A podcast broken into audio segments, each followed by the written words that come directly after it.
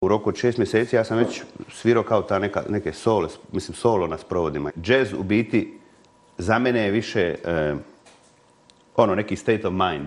Teže mi je svirati u Sarajevu ispred eto tih nekih 400-500 ljudi koji su u Narodnom pozorištu nego eh, šta ja znam, ispred 20.000 ljudi u, na nekom stadionu. Bez da ideš u nepoznato, e, nikad se neće stvoriti taj magija. Da me sad pitate koje, koji u predsjedništvu Bosne i Hercegovine, ja ne znam reći. Ne sviđa mi se to da imaju dvije česme, jedna je za toplu, jedna za hladnu i onda nikako da ih pomiješaš.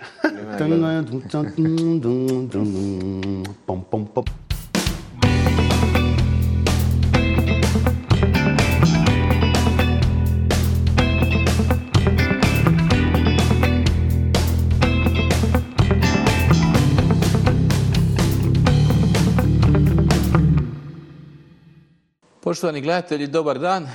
Evo nas u još jednoj emisiji ovoga podcasta. S nama je Miran Rafajlović, e, poznati, već ozbiljno poznati džez muzičar na svjetskoj sceni, Sarajlija, čovjek koji je imao zanimljiv životni put e, od Sarajeva preko Kanade, Brača. E, do Madrida u kojem danas živi, koji je upravo izdao album Mediterranean Soul, dakle Mediteranska duša, koji je svirao, imao koncert sa svojim kvartetom trenutačno na jazz festivalu u Sarajevu koji je upravo okončan i s kojim razgovaram u njegovom rodnom gradu i drago mi, drago mi da je pristao na ovaj razgovor i da je tu. Mirone, dobar dan. Dobar dan, hvala na pozivu.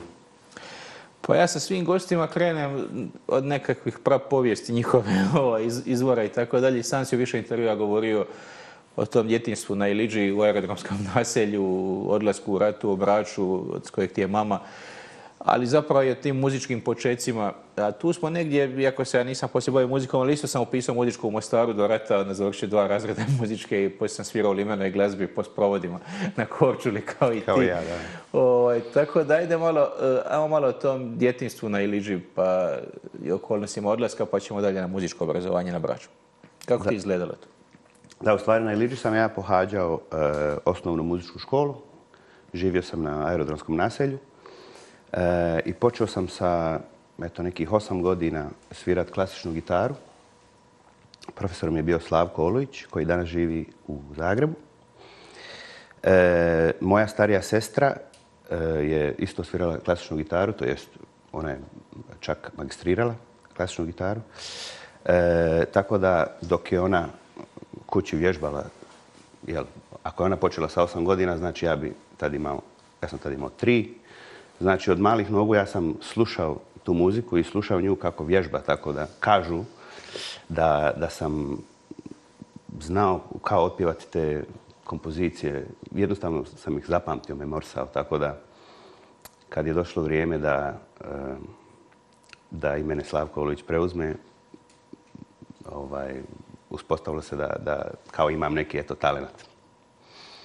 Pa kako ti izgleda taj eh, Jesi, jesi uopće slutio, mislim, tu smo neki generacijski, smo isti, jesi li uopće slutio da će se dogoditi taj lom e, u Sarajevu? Jesi, jesi imao ikakav doticaj, imamo djetinjstva?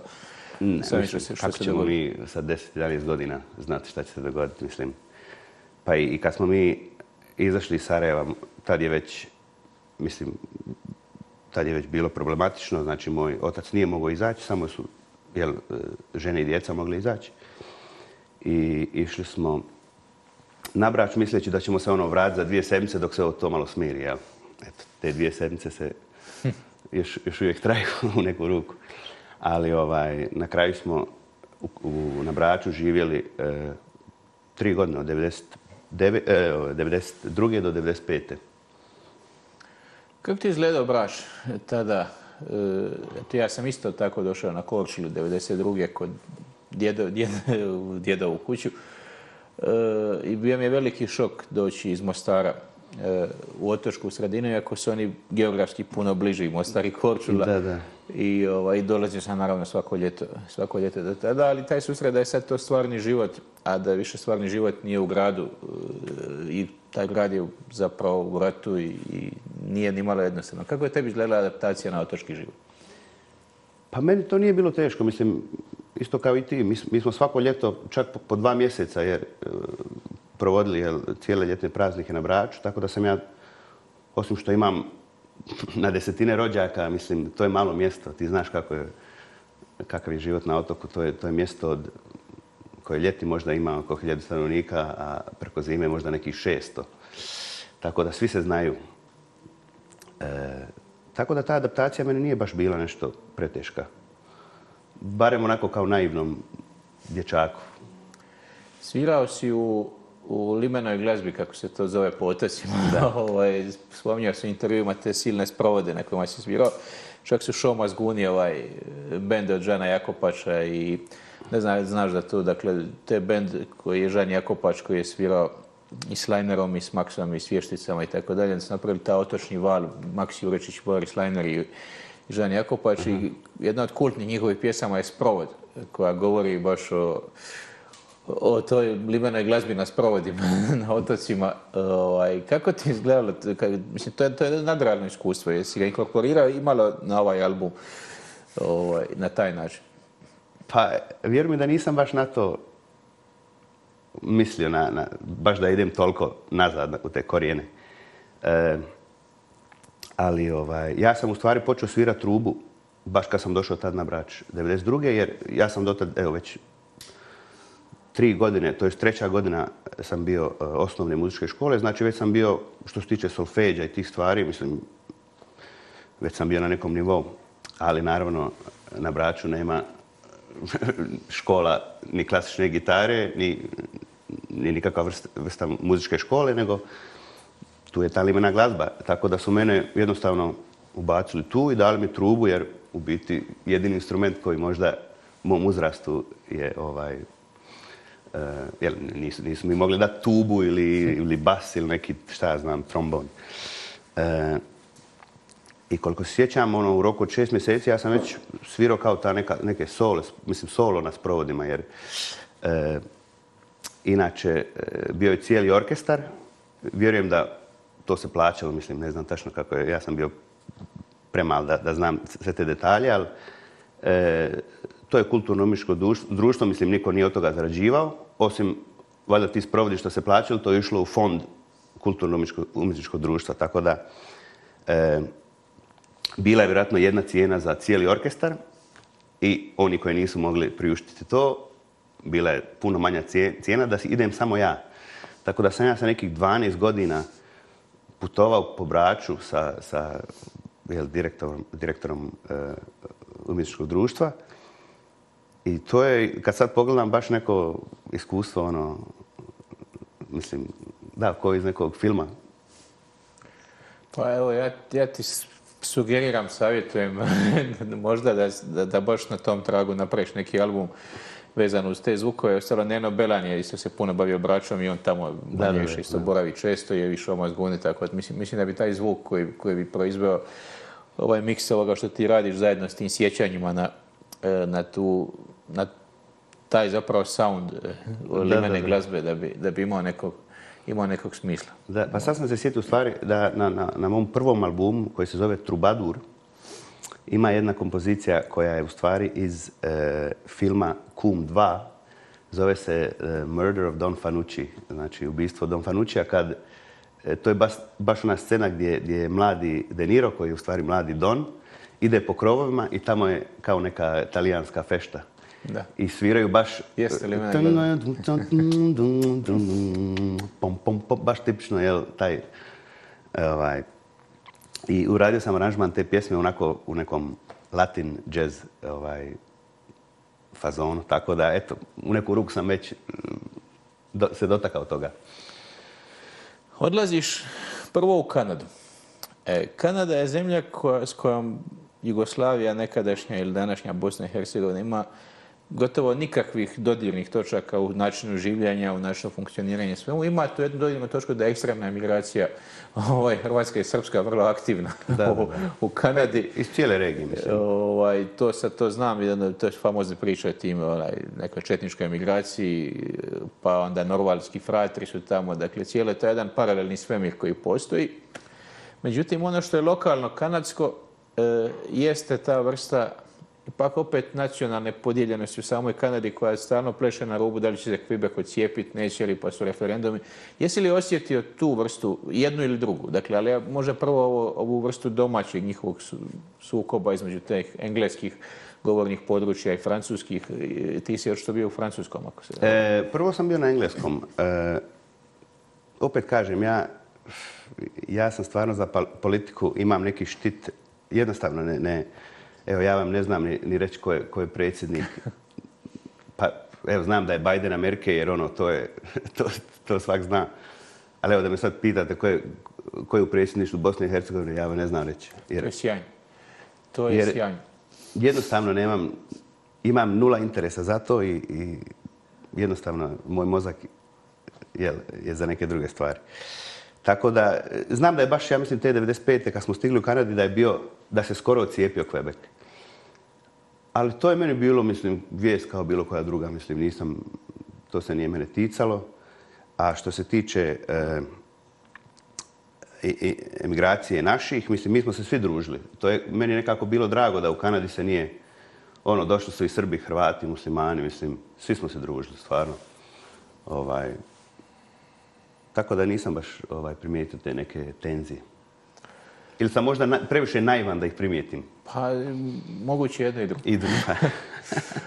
e, ali si u Kanadi krenuo na veliku, u, krenuo si svirati i onda si krenuo na manje više svjetsku turneju sa Cirkusom Sunca, njihovim e, Imali ste onaj veli, film e, Koza koji je, s kojim ste svirali jako dugo i tu si napravio nekakvu vrstu počela ti je neka ozbiljna muzička karijera. Ovaj, kako si došao, mislim, to ipak to je jedan od najvećih cirkuskih spektakala na svijetu i svi ga, znaju. Da, da, da. Kako se na francuskom to izborno kaže? A, Cirque du Soleil. E. Samo moje R nije baš. Cirque. Ali, da. E, pa, ovaj, imao sam audiciju do koje isto nije bilo baš lako doći. To je isto bilo preko neke štele, neki sam kontakt imao, samo da dobijem audiciju. Eh, jer je to bilo prije ove jel, internet eh, kulture, mislim, to je bilo 2000, pa ne znam, možda neke četvrte. Eh, znači, ja sam imao oko 22-3 godine. Sad to već sve ide online, sad bilo ko može jel, otići na website i jel, upload videa ili šta već treba, ali tad je to bilo većinski ovako, znači eye to eye. I ništa u biti, tu je bilo dvoje, troje tih e, jel, e, žirija e, koji, su me... Mislim, to je ovako bilo razgovor informativni i naravno puštali su mi neke matrice preko kojih sam trebao improvizovati i srećom improvizacija mi je nekako uvijek išla, ne, znam, ne znam kako, ali u svakom slučaju ostavio sam dobar dojam i primili su me u, što oni kažu, artist file bank. Znači, to je kao e, potencijalni jel, e, umjetnik za... E, što je, mislim, super, samo stvar u tome da, da su tamo hiljade ljudi.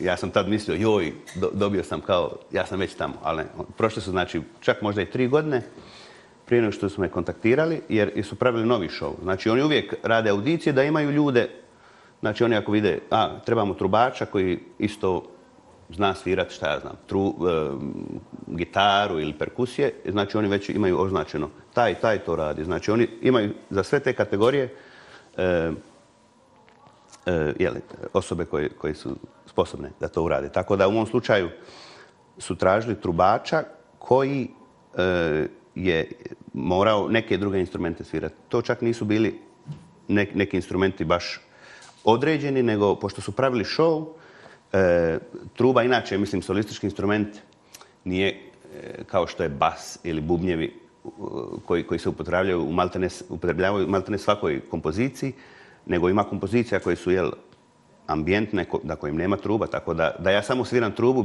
možda bi svirao samo pola predstave. Ali s obzirom da sam ja, e, da sviram gitaru, u biti uvijek sam na neki način svirao gitaru. E, iako nakon, e, te tri godine u Sarajevu u biti sam samouk, mislim, e, ali sam savladao dosta stilova, mislim, čak i kao tineđer sam se naravno dao u rock, tako da sam sve te rock pjesme i distorzija, električna gitara, to me tad interesovalo i tako da do dan danas, ako treba nešto tako uraditi, mogu, eto, mogu nekako da to uradim. I su, kad su stvarali taj novi show koji se zove Kuza, e, tražili su trubača koji je jel, e, vrstan u drugim instrumentima. S obzirom da, eto, da, sam svirao gitaru i, volim svirati perkusije i bunjem i tako te stvari, to je bio, jel, e, poslije su mi rekli da, je bilo 25 kandidata za, za, eto, za to mjesto i na kraju sam ga ja dobio. Eto, tako je to obišao si manje više, ne znam, gdje, sve niste bili, gdje sve niste bili s tim showom, ali naravno uvijek se ističe ovaj Royal Albert Hall u, Londonu. Kako je, kakav je dojam doći tamo? Uf, evo, ne, ne, sam se. To je, mislim, takav prostor, ta, taj teatar s toliko istorije, mislim, to je... E, ne, ne mogu opisati, mislim. Em, što je akustični perfektno mjesto, e, e, jednostavno kad, kad uđeš unutra osjetiš tu neku istoriju. Mislim, više od sto godina tamo su bile ko zna koliko tih premijera, tih opera, tih... Ne samo muzičkih, tamo su bile neke, mislim, svakakve vrste eh, egzibicija. Eh, I mi smo tamo bili šest sedmica. Znači, ja sam u biti išao svaki dan na posao, imao sam onu karticu, znači uđem u Robert Hall, good day, good day. Odem tamo, često bi otišao nekoliko sati prije i otišao bi sam u hall, i, ovaj, I tamo se zagrijavao, ono nikoga nije bilo unutra. Znači neko možda neki čistač, čistačica tamo nešto čisti, a ja fino svoje rutine radim. Znači to je bilo nešto mm, neobjašnjivo, mislim, nevjerojatno. I onda si, ali prije, prije, nego, prije nego dođemo na dan da tvoju solo karijeru, kako ti izgleda London kao grad? Pa, ko sa e, Estetski ili, ili kao... U, smislu duha, ja znam kad sam došao u London prvi put da, sam imao dojam, a eto, može sad, sad neko smijat Mostaru ili ovo, ali nisam imao dojam da sam ja neko dijete s brda i sa sela, dakle, možda neko urbano iskustvo. Ovaj, stalno sam bio po gradovima, studirao sam, do naši našim jugoslavenskim, studirao sam u Zagrebu, živio u Splitu, poslije da... Meni je izgledalo kao da sam jedan mali provincijalac koji je došao u nekakvu, da je to stvarno centar svijeta. Toliko količina svjetlosti, buke, ljudi, E, života koji pulsira sa svih strana, sam bio potpuno izgubljen. Stavio sam ovako i gledao sam kao, ne znam, vjerojatno kad si ti ušao u Albert Hall, ovaj, gdje da, sam to došao. E, mislim, s obzirom da prije nego što sam bio u Londonu, bio sam pa i u New Yorku i u San Francisco, mislim u većinu većih gradova u Americi, jer, jer smo turneju počeli upravo na, u, američkom, na američkom kontinentu, u Kanadi, u Americi. Tako da što se tiče tog nekog e, E, šta ja znam, nekog raskoša ili, ili, ili veličine grada, nekako sam bio naviknut na to.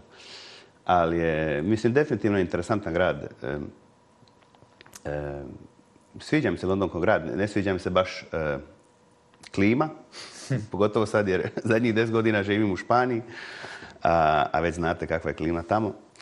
I ne sviđa mi se to eh, da imaju dvije česme, jedna je za toplu, jedna za hladnu i onda nikako da ih pomiješaš. Valjda ste to do sad riješili, ja. da. Ne znam li se to tebi dogodilo. jedna je baš vruća, a ova je baš hladna.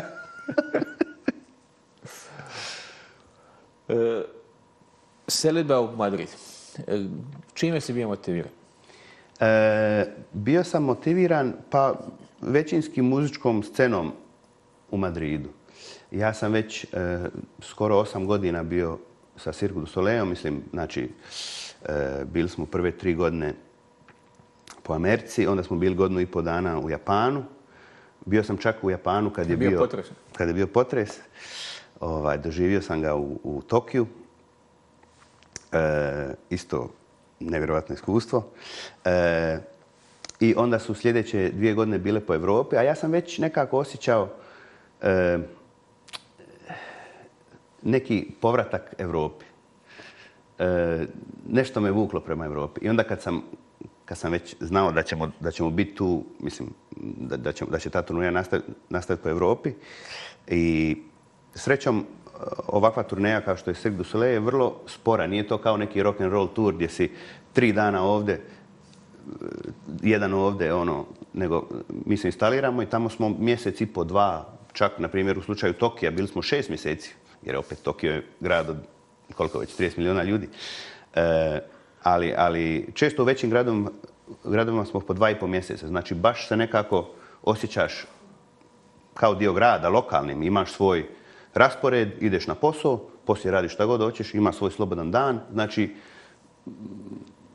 drugo iskustvo nego, nego da si tamo na vikend i ono, imaš par sati slobodno da, da, da se uslikaš negdje i odeš.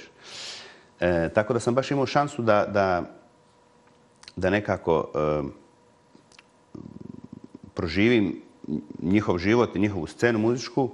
E, I tu je bio i London, i Pariz, i Amsterdam, i, među njima Madrid. Madrid mi je ovaj, taj miks koji se događa, događao, i još uvijek se događa u Madridu, im je nekako bio najinteresantniji. Jer već dugo godina sam ovaj, ljubitelj flamenko muzike. E, osim toga, u Madridu u zadnjih 20 godina je puno, puno kubanskih muzičara. E, mislim, oni često idu na turneju sa nekim poznatim jel, umjetnikom i onda ostanu. Jel? Znači, ovaj, I znači, svi koji su tamo su vrhunski muzičari. E sad, ta mješavina džeza sa, sa sa flamenkom i sa, sa afrokubanskom muzikom je to što je mene osjećao sam, nekako sam se ovaj, osjećao da je, da je to moje zvanje. Eto.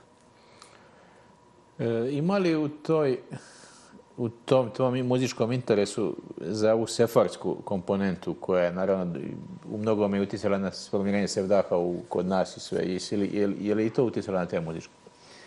Pa definitivno. Mislim sve, sav taj to je u stvari ta kao orijentalna skala koja je, mislim, cijeli Mediteran dijeli, taj zvuk, to je taj melos, jel?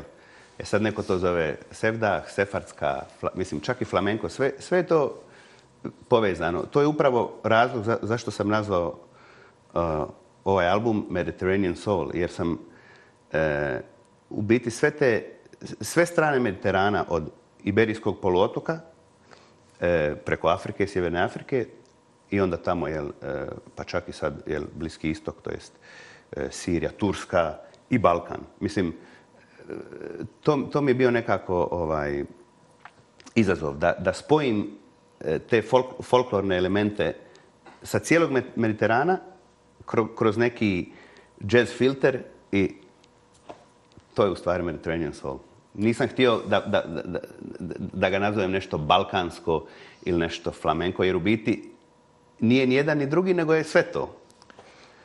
Oh, tu imam sad dva, tri pitanja. ovaj, prvo je, sličnu stvar, barem, mislim, govori isto što govoriš i ti, manje više drugim riječima ili sličnim riječima, ali bazira se na istome, radi Tonči Huljić ovaj, sa svojim Madre Badeša bendom. Ne znam li slušao i slušao te njegove pokušaje. Naravno, to je puno popistički je ovako i onako, ali on zapravo zaista uzima te melose, sve koje si nabrojao i stavlja nekakvu, radi nešto potpuno drugčije nego što je radio s magazinom i sa svim onim pjevačima koje... I naravno Bregović je dosta toga, napravio po tom pitanju. Jesi li, slušao to ili se naslonio možda na to i, i jesi li pratio tu njihovu priču? E, pa, e, nesvjesno da, nisam sad, mislim, indirektno da, ali E, naravno, ono, znam šta Bregović radi, e, ili radio, jel? Ali, pa e, i sam znaš da, na primjer, čujemo neku grčku pjesmu i kažemo pa ovo je ista pjesma ko ta i ta, jer mi u biti sve je to srodno, sve je to isto i sve se da nekako, sve se da i pomiješati jer u biti, opet kažem, to je taj isti melos, mislim, isto ko ko što hrana, na primjer, e, ono, baklava je, nije ni naša, ni turska, ni, nego svi imaju baklavu, samo neke verzije baklave. Tako da, u slučaju muzike, mislim, opet, korijen je nekako isti. Sad, sve se to nekako procvjetalo na druge strane, ali opet je korijen e, nekako isti. Pa misliš li da je Španjolsko je zapravo, naravno, napravila prije 500 godina, ali bio je veliki progon e, arapskog stanovništva, pa veliki progon Sefarda. Ostalo je zapravo manje, ostalo je nešto tih ljudi, pa mhm. su se pa su prešli i uzeli vjeru. Morisi i Marani su ih zvali, to vjerojatno znaš. Ali su uglavnom, e, e, Španjolska je ostala de facto vjerski i etnički monolitna nakon toga. Ali osim arhitekturi, što je vidljivo i dan danas i u svim tim velikim gradovima, E, koji su, koji su činili te, te velike kulture, vjerojatno je u muzici najviše ostalo, ostalo tih utjecaja. Je li to Španjolci prepoznaju kao tako? Da, da, da. Mislim, flamenko je... E, flamenko je u biti mješavina e, tih folklornih iberijskih ritmova i, i sjevernoafričkih, to je maurskih e, melodija i, jel. E, mislim, to je činjenica i to svi znaju. Mislim, e, ne, bi, bio flamenko to što jest da, da nema svi tih utjecaja. Vjerojatno se svirao u Portugalu, pretpostavljam da je. koja je razlika između Španjolske i Portugala? I muzička i ovako u življenje? Portugalci su nekako smireniji. E, čini mi se, e, Španjolci su nekako toplokrvni i, glasni, a Portugalci su nekako, da ne kažem kulturni, ali su nekako, više su tranquilos, ono. E, I pričaju puno bolje engleski. u Španiji rijetko ko priča engleski, u Portugalu svi pričaju engleski. Znači, bliži ti je bio po temperamentu e, Flamengo nego Fado i Španjolska nego Portugal? Pa ja bih rekao da jeste. Mislim, volim ja i Fado, ne mogu sad reći da, sam, da, baš znam puno. E, znam otprilike zvuk i to, nisam se baš dao u tu muziku.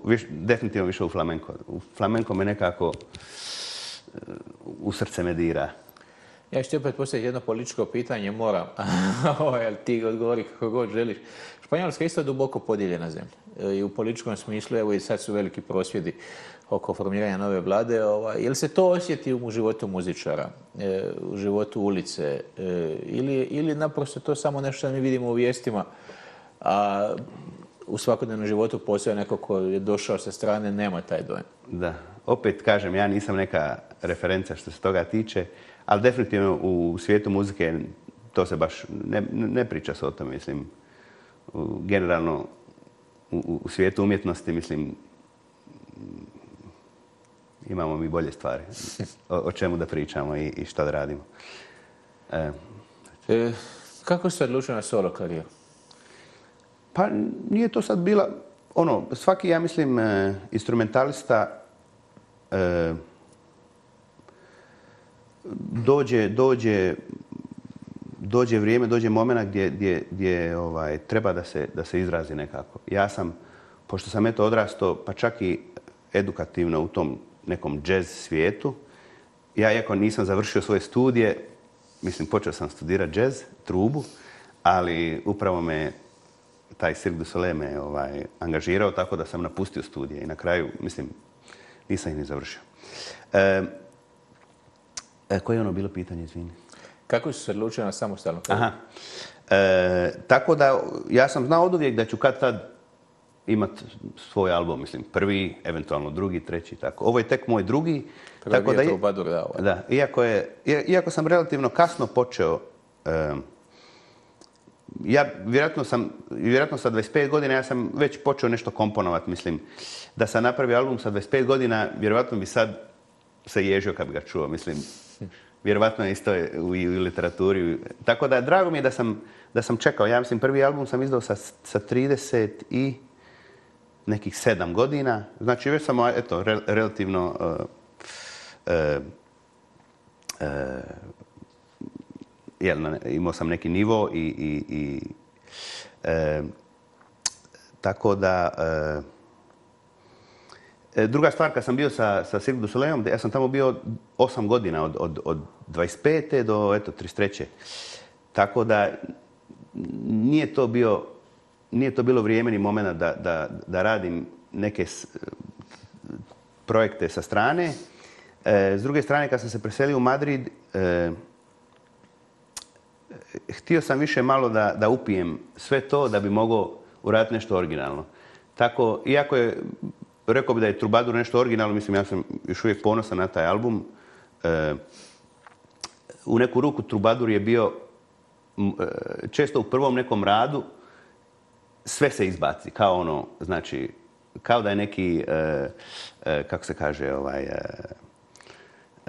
variety show, znači, znači ima tamo i džeza, kao neki jel, tradicionalni džez, ima latin džeza, ima malo flamenka i malo Balkana. Znači, ako išta previše ima, previše je raznovrst. To kod da idete u restoran, i imate i francusku, i italijansku, i japansku, i koreansku, i, i onda, onda ne znaš šta, šta da jel, naručiš. Tako da, e, mislim da sam sa Mediterranean Soul napokon nekako našao svoj put da sa, i, i, i čak nešto originalnije nego što je Trubadur. E, ako išta, e, kritike koje sam imao o Trubaduru su bile uprave te da, je previše raznovrst, da nema neku putanju. Tako da, nadam se, ne nadam se, stvarno mislim da je e, Mediterranean Soul to. Znači, upravo našao sam neki svoj originalni glas, jer mislim, ima instrumentalista i trubača koji sviraju sve te stilove, E, ali opet e, vjerujem da je e, da sam uradio nešto originalno, da sam spojio sve te stilove u jedan kroz neki, kod neku jazz prizmu, na primjer. E, spominjaš u nekim razgovorima, a nema čovjeka koji sluša jaze da mu Miles Davis nije, ovaj, nije na neki način neki od uzora. Recimo meni onaj Sketches of Spain je kad god je neko loše vrijeme ili neko teško ljetno vrijeme, pustim to i mogu tako cijeli dan ga vrtiti u nedogled. E, Spominja se ovdje taj miks mediteranski koji ne može biti samo balkanski ili samo iberijski ili samo bliskoistočni. E, Duško Gojković je izdao, i to izašao je tek kad je bila korona prije tri godine, izašao je njegov album koji je snimljen sa njemačkim e, simfonijskim ili jazz orkestrom, ne znam mhm, koji je mhm. bio u Hamburgu 69. recimo snimljeno, Sketches of Jugoslavia. Ovaj, E, jel imaš, jesi slušao taj album i kako ti, nisi uopće Gojkovića ovaj, kao, svog nikog uzora imao? Da, definitivno, mislim, pa on je, ako ne i najuspješniji e, trubač sa naših prostora. E, Nikada nisam upoznao, e, ali definitivno je, ima utjecaj na mene. Imam, imam dosta respekta prema njemu. S Sol si predstavio u Zagrebu sa velikim jazz orkestrom e, prije par mjeseci i to u Muzeju suvremene umjetnosti u Gorgoni koja je vrhunska dvorana. Da. O, to bilo prvo veće, e, prvo veće predstavljanje albuma? Da, iako, e, dobro, to je, ovaj, oni su htjeli da, daju neko ime tom, programu. iako smo samo, ja mislim, dvije kompozicije svirali sa ovog albuma, Ostali su bili aranžmani sa prvog albuma.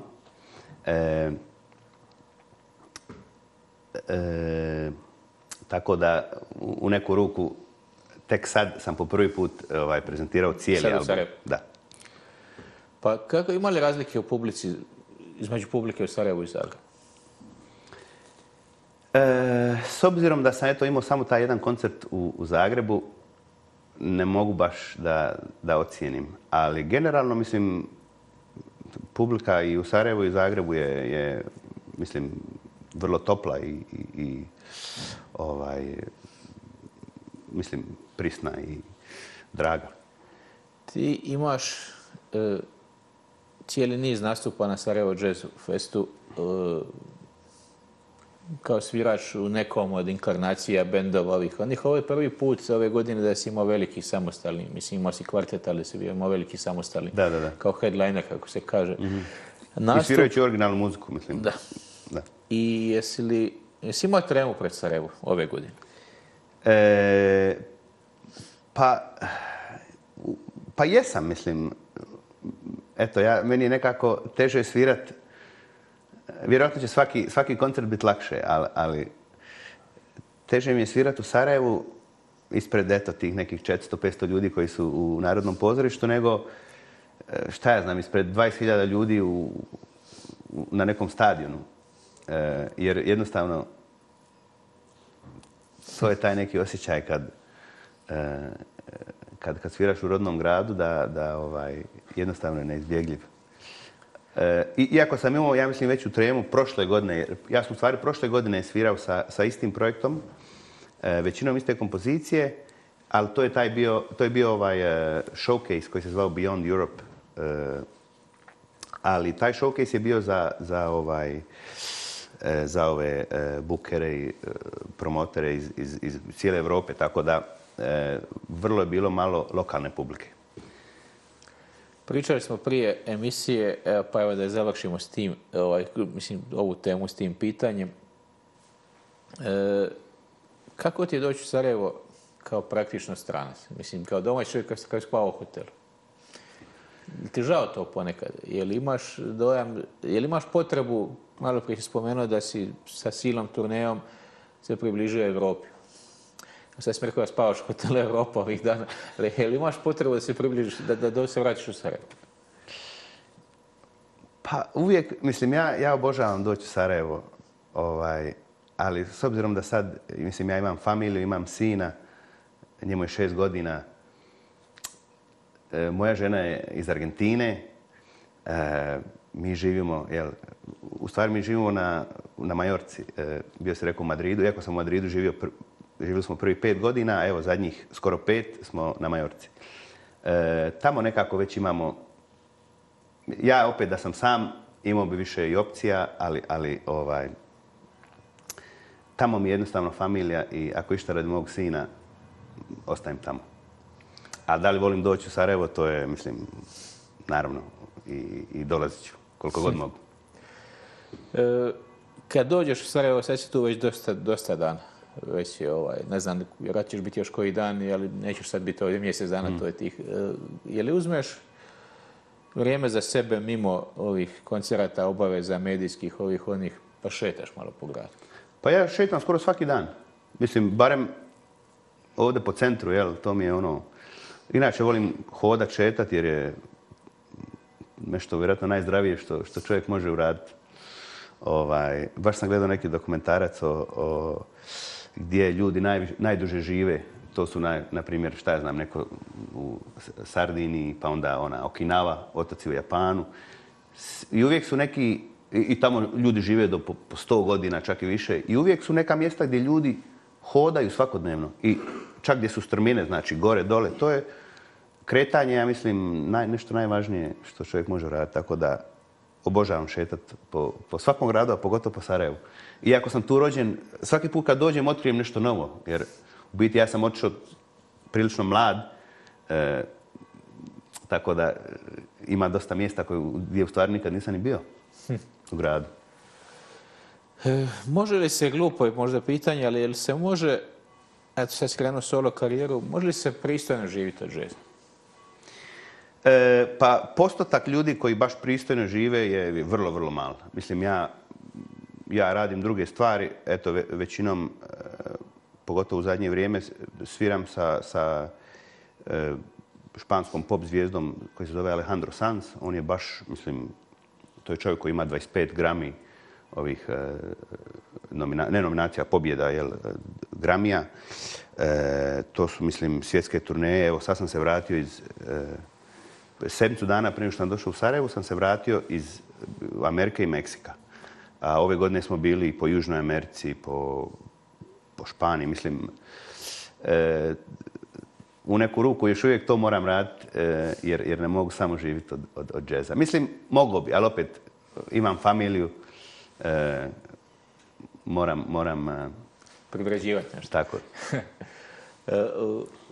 sad kad spominješ njega, ali ekvivalent njemu je naravno Dino Merlin ovdje da, na prostorima, tu si snimio s njim, da, snimao si, svirao si s njim. Ovaj, e, kako se prebacuješ iz tih registara džeza u ovaj, čak nedavno je umro bubnjak Rolling Stonesa i čovjek, jedna su svi poslije počeli koji su znali nešto o njemu, ali on, je Stones, iako su mu to drugovi i s njima je počeo, njemu je jazz bio puno bitniji nego mm-hmm. sviranje Rolling Stonesima, to je to iz prijateljstva nastavio. Kako se prebacuješ u glavi između, između te dvije karijere? Pa, jednostavno, ovaj, respekt prema, prema, prema poslu, mislim, za mene u stvari nema puno razlike. Ja sam tamo došao da, sviram što bolje mogu. Naravno ima razlike, mislim, kad sviram svoj solo projekat, mislim, to, ima puno improvizacije i puno, eh, naravno u nekoj pop svirci nema puno improvizacije. Eh, sve ide od A do Ž, kako je, jel... Eh, ali to sam, uvijek sam nekako bio fleksibilan muzički, kao neki, jel, kameleon. E, lako mi je nekako ovaj, e, ući u novu sredinu i ono, kako što, kažu, when in Rome. Znači, e, a, s obzirom da sam i, od, i Malena pa i, Sarajevo i Brač i onda Kanada, sve te promjene nekako sam pa i radi, i radi i nacionalizma i svega toga, nekako sam uvijek pokušao ne sakret ko sam i šta sam, mislim, ja sam u biti koji, normalan čovjek koji je iz miješanog braka, imali smo naše neke probleme kad smo bili tamo i vamo. Nigdje nekako se ne osjećaš e, baš kao da si, svoj. E, tako da i kad smo, kad smo došli u Kanadu, ono, cilj mi je bio naučiti engleski što bolje da uđem, jel? Se prikrije. Da, da, da. Sad, iako sad, na primjer, mislim, pričam aktivno tri jezika, iako razumijem, i, na primjer, francuski dosta i, pa čak, e, pošto sam, jel, sad pričam španski, e, razumijem dosta i portugalski, iako ne mogu reći da ga pričam, ali eto, ja sam svakodnevno e, služim sa tri jezika. I nekako osjećam da kad, kad kad, kad pričaš dva ili tri jezika, onda nekako taj prvi jezik mora nekako past. Jer e, ponekad pričam engleski i tražim riječ. Dođe mi na našem ili na španskom. Ili obratno, pričam naš, ne, može mi doći riječ, a dođe mi na španskom. Tako da je ono, e, vrlo, vrlo je ovaj, ponekad teško, čak ne znam ni na kojem jeziku mislim. Ono. Pa moram ti reći da je, da je iznenađujuće dobro govoriš naš jezik e, s obzirom da si otišao sa ono, ajde koliko si imao, 4, 15, 16 godina mhm. kad, si, kad si otišao u Kanadu. Jer mnoge ljude koje znam, bez obzira što su im jedan i drugi roditelj ovog govornog područja koji su tako rano otišli, gube padeže, jednostavno vidiš jedan aktivni zaborav, da li je on polusvjestan, svjestan, slučajan, ne znam. Mora da sve ove podcaste tvoje što gledam, da su mi pomogli. Ovaj, ali, ali da, kod tebe se stvara ne vidi, ti govoriš potpuno normalno našim jezikom, što, što jeste iznenađujuće. Da, mislim, e, ima ono riječi kad prođe nekoliko godina i nisi koristio neku riječ pa ti, pa malo zapne, ali mislim što se tiče, padeža i toga nekako, to mi je nekako prirodno, to se ja mislim ne može zaboraviti. Jedi, s druge strane, mislim, koristim ga, iako jel, kad sam, kad sam kući ne koristim ga previše, iako sa, svojim sinom ja pričam jel, naš jezik. A osim toga, ono, kad se čujem sa poznanicima, sa familijom. E, spominjali smo spominjali smo taj, to koliko ti ideš, putuješ svugdje, ali nismo spominjali tvoj drugi alter ego, Mr. Ajvar. vidim da, da ste se Dobro si me istražio. Da, ovaj, tvoj, tvoj pop, pop izričaj, gledao sam i spot za Gandija, ovaj, koji bi čak sad bio aktualniji nego, nego ikada. Nažalost, uvijek je aktualan. Da, sa ovim ratovima. E, pa imaš li ikakvih ambicija i pjevaš to na našem jeziku, da, da, to me, da, to me sad sjetilo. Jel imaš ambicija da tu vrstu karijere negdje razviješ, a nju bi morao naravno ovdje? Da, pa to me je dosta ljudi pitalo. Nemam baš ambiciju da to bude neki da, ja sad to uživo sviram. To je, više neka vrsta... E, u stvari sve je počelo za vrijeme pandemije, jer u biti to je bilo vrijeme kad sam po prvi put imao baš vremena i nisam imao ništa da radim. I uvijek sam nekako sanjao, jer ja, ko što, kaže, ovaj, to sam na koncertu rekao, ovaj, Camaron de la Isla, poznati flamenko pjevač, koji je umro davno, on je rekao, kao ja, sam čovjek od od, malo riječi, kao lakše mi se izražavati kad pjevam. U mom slučaju kad sviram trubu. E, jer e, meni nekako nije prirodno da sam frontman, da, pjevam. Ja, mislim, volim pjevati, ali ono nešto za sebe ili e, nisam sada neki pjevač. To je uvijek kao neka vrsta zafrikancije meni uvijek bila. I uvijek ovaj, spominjem Ramba kao neki jel, influence, jer osjećam da ja ako pjevam, to mora biti neka vrsta komedije. Jer jednostavno imam previše respekta za, za pjevače, da sad sebe zovem, nazivam pjevač, pjevačem. tako da je to počelo eto, za vrijeme pandemije, kad jednostavno imao sam puno vremena, a s obzirom da, da, da sam sposoban, mislim, sviram u biti sam neki, neka vrsta one man benda, mislim, e, i gitare, i bas, i, i, trube, i, i sve, sve sam to snimio kući sam, i jednostavno, sam nekako natjerao sebe da, izbacim nešto. Mislim, nisam imao nikakve ideje, nego ono malo pomalo. I, i ovaj, čak imam još par kompozicija koje, e, to to s pjesama, koje, sam e, isto završio za vrijeme pandemije, ali evo nisam imao vremena da ih, ih izbacim. Tako da će uskoro, ja mislim, jedan novi instrumentalni single, jedan čoček, koji zove se Paprika čoček. Taman, za Ja mislim da ima i sličan naziv, provjeri, ovaj, Madre Badeša Huljićev, ovaj, a svira, svira, e, pjeva Grašo tu pjesmu. provjeri imaš na dizoru negdje, prvi album njihov. E, snimao si sa Zosterom. Da. E, ovaj njihov, ja sam Mario govorio cijelo vrijeme, čovjek zvan činjenica ti mora biti prvi singl novog albuma, a on ga je stavio negdje, ga je zabošurio kao četvrti, peti ali zaista je poletna pjesma i potpuno radikalni rez u odnosu na atmosferski ostatak albuma. Kako ti je bilo raditi sa Marijom?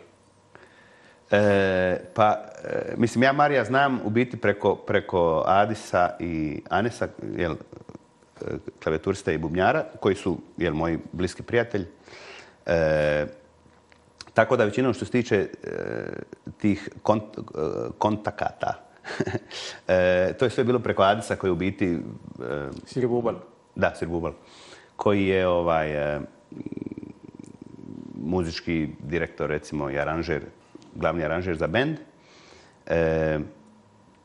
I imao sam baš priliku ovo ljeto kad sam bio ovaj, bio sam na, jel, na Braču, pa, pa, pa, pa, sam onda nešto bio u Bosni i oni su svirali u Lukavcu, pa sam bio uživo svirao s njima taj koncert. E, tako da, e, mislim, super mi je Mario i, i, mi je, mislim, jedan od najdražih stvarno i najoriginalnijih bendova.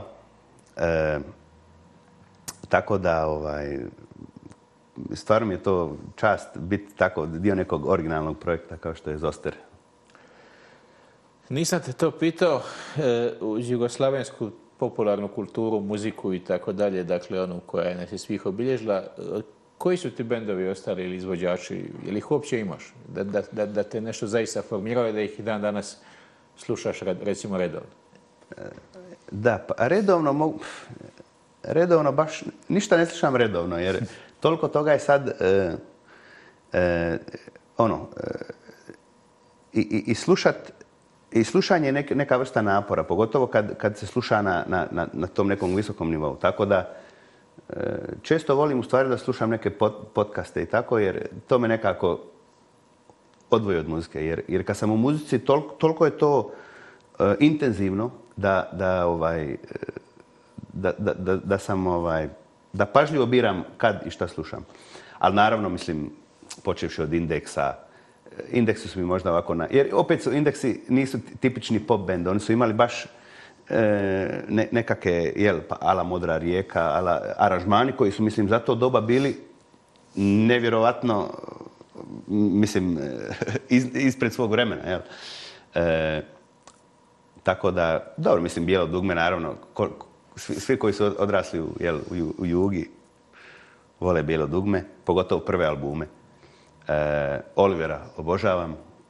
Ako išta ono, kad, ako mi fali brač i to, stavim malo Olivera bio mi u stvari san da, zasviram s njim, jer e, ne znam, znaš, on je često svirao s ovim usnim harmonikašem Antonio Serrano, koji je e, svirao sa Paco, Pakom Delucijom i kad je, kad je Oliver gledao Paka, onda je on rekao kao ovaj, želim da svira sa mnom. E, tako da nakon što je Pako umro, on je u stvari dolazio tu često kad, kad bi imao neke veće koncerte. Tako da sam, a Antonio Serrano je bio gost na, na mislim, on je isto moj prijatelj, on je bio gost na, na, na prvom albumu, na Trubaduru, je osvirao dvije e, kompozicije. E, tako da, eto, Oliver mi je nekako, što se tiče e, vokala, on mi je nekako najdraži. Da, no, kad je umro u Splitu je bilo baš da, da, ja to nisam nikad doživio, vjerojatno neću što nikada danima, danima, ono, znači, iz pekare, kafići, sve radio stanice. Samo je Oliver, nikome nije, niko nije bio zagušen s tim, a recimo u Splitu ga nisu baš, on je bio puno popularniji mimo Splita, kao, kao i obično čovjek u svom gradu. Ovo, ovaj, ima, ima dosta problema sa prihvaćanjem bez obzira što eto, poslije to niko neće javno govoriti, ali stvarno znao bi često i ne napuniti dvoranu u Splitu, a recimo svugdje drugo. Da, da, A Royal Albert Hall? Ne, tako, glatko, išlo. ovaj. e, malo prije kad si pričao o jeziku, e, htio sam te pitati, spomenuo si podcast, ali sam te htio pitati, ako je nešto ovaj, ako se nešto lijepo dogodilo uslijed tog zla i rata i svega, taj ta postratna književnost e, naša ovdašnja, mhm. posebno čak i u Bosni i Hercegovini, izrazito je kvalitetna. E, čitaš li e, knjige naših autora i ovaj, jako da koje? razočarat ću te. ne čitam previše knjige. imam, vjerojatno to da, da je postalo prije 30-35 godina, rekli da imam neki HD, kako se to već zove, ADHD. ja inače kad čitam, eh, dođem do, kraja strance, ja sam već negdje drugdje. Znači imam, eh, sad je to neka, je to stvarno neki poremećaj? Mislim, ja volim čitat, eh, prošto sam dosta biografija, pogotovo biografija jazz muzičara. To, zato, na primjer, imam pažnju. Ali inače, i Wikipediju često čitam. Znači nekako konkretne stvari, informativne, volim čitati. Ali, na primjer, literaturu ili neke, na primjer, romane ili, ili imaginarne stvari, e, jednostavno, moj mozak ode... Ja, znači, dođem do pola strance i ja čitam, čitam ostatak, ali ja sam već... Ja već mislim o nečem drugim. Tako da... E, zato, zato volim, na primjer, podcaste, jer e, vjerojatno zašto sam muzičar, moj, moj e, organ za, za, za e, upijanje je uho. Više nego, šta ja znam, oko ili... znači... Pa to što ti govoriš ima smisla, jer sada je nevjerojatna rastuća popularnost u svijetu audio knjige. Što da. sam se ja čudio iskreno ovaj, kad sam, dok nisam pročitao malo zbiljnije o tome, i mi smo svi kod djeca i nama su puštali jedne ploče sa bajkama. Ovaj, pa smo i slušali ono, sve žive ove klasične bajke su bile na pločama. Da, da. Ali da će popularnost baš knjiga koja traje satima, audio snimljenih, biti tolika, ali očito jeste da to, raste, to u svijetu. E, kad, kad govoriš o biografijama jazz muzičara, dakle, mnogi ne znaju Evo, u Beogradu je izašla prije 5-6 godina Erik Hobsbawm, znači on je jedan od najvećih povjesničara svijeta, gdje umro je u dubokoj starosti prije par godina e, i imao je neku tužnu sudbinu, mislim, židovskog djeteta iz Austrija, Njemačka, iz Beča u Berlin, pa na kraju završio u Londonu i tamo bio veliki marksisti povjesničar. Napisao je jednu knjigu Jazz scena. E, jazz scena vrlo detaljno, ono, 50., 60., 70. godinama e, vrlo iscrpnu i to sam te htio pitati, ne znam si li je čitao, ali ako i nisi, je li misliš, e, taj džez je, e, on ima svoju publiku, ona nije ni, zanemariva tolika, ali to je neka niša, je li, džez ima ikakvu mogućnost iskoračiti u neku širu u neku širu popularnost mimo, toga. Ili će on ostati neka za ono, ljude ne znam, intelektualce ovako ili onako. Da, da. Stvar je u tome da sam, sama riječ, termin jazz je, je veoma širok. Mislim, ti kad kažeš jazz i imaš deset ljudi, svak će, svak, će reći nešto drugčije. Jazz je Louis Armstrong, jazz je e, dosadna muzika koja, koju slušam u liftu, šta ja znam, mislim, znači, e, svi ti žanrovi, mislim, su nekako vrlo je teško staviti žanr na nešto, jer jazz u biti za mene je više eh, ono neki state of mind kad se svira. Znači, eh, eh, čak i ovaj album, ja ne bih rekao da je jazz album, ali ima jazz, ima duh jazza. Znači, ta veza između muzičara, činjenica da ja mogu da, da, da, da se opustim i da zavisim od njih, od njih trojice ili četvorce koliko nas je u bendu i da, i da se pomažemo. To je jedna vrsta konverzacije, znači to je džez. E, ako svirate neku pjesmu od A do Ž, znači to je aranžman koji je već, jel, e, isto, isto, kao ako nacrtate, jel, Monalizu u, u bocu, znači sve isto. Ali onda hajde evo ti kanvas i, i nacrtaj nešto iz tvojih misli. Znači, to, je jazz. Jazz je e, ta ova e, e, komunikacija i konverzacija među, među muzičarima. I, ovaj, taj neki korak u nepoznato. Jer, bez, da ideš u nepoznato, nikad se neće stvoriti ta magija. Jer uvijek će biti nešto planirano. Znači, to isto kao, evo, ja, ja sam uvijek bio tip osobe, na primjer, učit plivat. Neću učit plivat, nego baci me u more, pa ću isplivat. Tako da, ovaj, to je moj isto ovaj, e, način i života, i muzike, i džeza, i sve to. Evo, imamo još dva pitanja za kraj. Prvo je, e, u regiji postoji, naravno, najstariji Beogradski jazz festival. Ja odem kad god mogu svaku godinu. Evo, ove godine nisam slučajno išao, ali manje više idem i stvarno to je neki, događaj u tom gradu, vrlo bitan. Naravno, opet zabiranu publiku. Imamo ovo što Edin Zupčević radi, fantastičnu stvar u Sarajevu, dakle, mhm. evo, sviraš godinama tu. Imamo Zagreb Jazz Festival koji je Dražen Kokanović e, isto tako godinama radio i Ljubljanski Mhm. E, koji je bitan. Ali evo, Sarajevski sigurno najbolje poznaješ svih tih. Kako ti izgleda u komparaciji sa ostalim jazz festivalima po Europi i svijetu Sarajevski jazz festival? E, dobro, e, što se tiče Beogradskog i, Ljubljanskog, stvarno mislim, nisam nikad svirao tamo, tako da ne znam, ali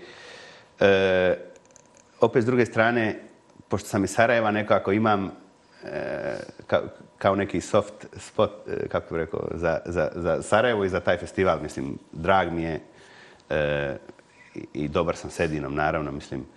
E, ali što se tiče, mislim, programa, što se tiče organizacije, što se tiče e, mislim, definitivno na europskom nivou, bez ikakve ovaj, sumnje. E, naravno, bio je jedini isto također i u emisiji, pričali smo i o tome i o svim osporavanjima na koje naišao i obstrukcijama, ali to drago mi je da je festival nastavio, djelovati evo, i da se svira ove godine. I posljednje pitanje, e, vezano, sad smo, prošli smo zapravo dobrim dijelom, ali ne do kraja tvoju životnu priču, neko Sarajeva, Brač, Kanada, pa turneje, London, Južna Amerika, supruga ti iz Argentine, Madrid, Tokio, živiš u Majorci, na Majorci. Jer ovaj, jel misliš za uvijek tako? Pa dogod, e, e, mi je u srcu ta čežnja za, za, e, za tom muzikom, zašto da ne? Mislim, E, dosta muzičar, pa evo Chick Corea, koji je, nažalost, preminuo, ima nekoliko godina, e, e, je dobar, ovaj, primjer. Onda Clark Terry, koji je legendarni jazz muzičar, on je do 90. neke svirao, mislim. Ja mislim da mi muzičari imamo prednost, na primjer, sportisti, kao što znamo, imaju vrlo kratak rok trajanja, mislim, zavisno se od sporta, to je od nekih tamo 18-19 do, u slučaju futbala ili košarke, do eto, 30 i neke. E, a mi muzičari tek nakon 30 i neke smo u stvari kao, dobro vino, znači tek, tek nakon nekih 20 godina postajemo biti baš, e, e, kako bi rekao, mature, maduro na, na španskom. Mogu se sjetiti. Tako da, ovaj, što se, što se toga tiče, ja mislim da ono, the best is yet to come, što se, što se tiče muzike i što se tiče stvaranja i kompozicije. Ništa, Milane, hvala ti puno što si došao. Drago mi je da si u Sarajevu, kao što mi je drago da svako iz ovih naših krajeva da dolazi, barem ako se ne vrati u svoje sredine. Slušajte album i Vidjet ćemo se sigurno još sljedećih godina i na Sarajevo Jazz Festivalu i, Tako je. i u virtualnom prostoru. E, hvala lijepa.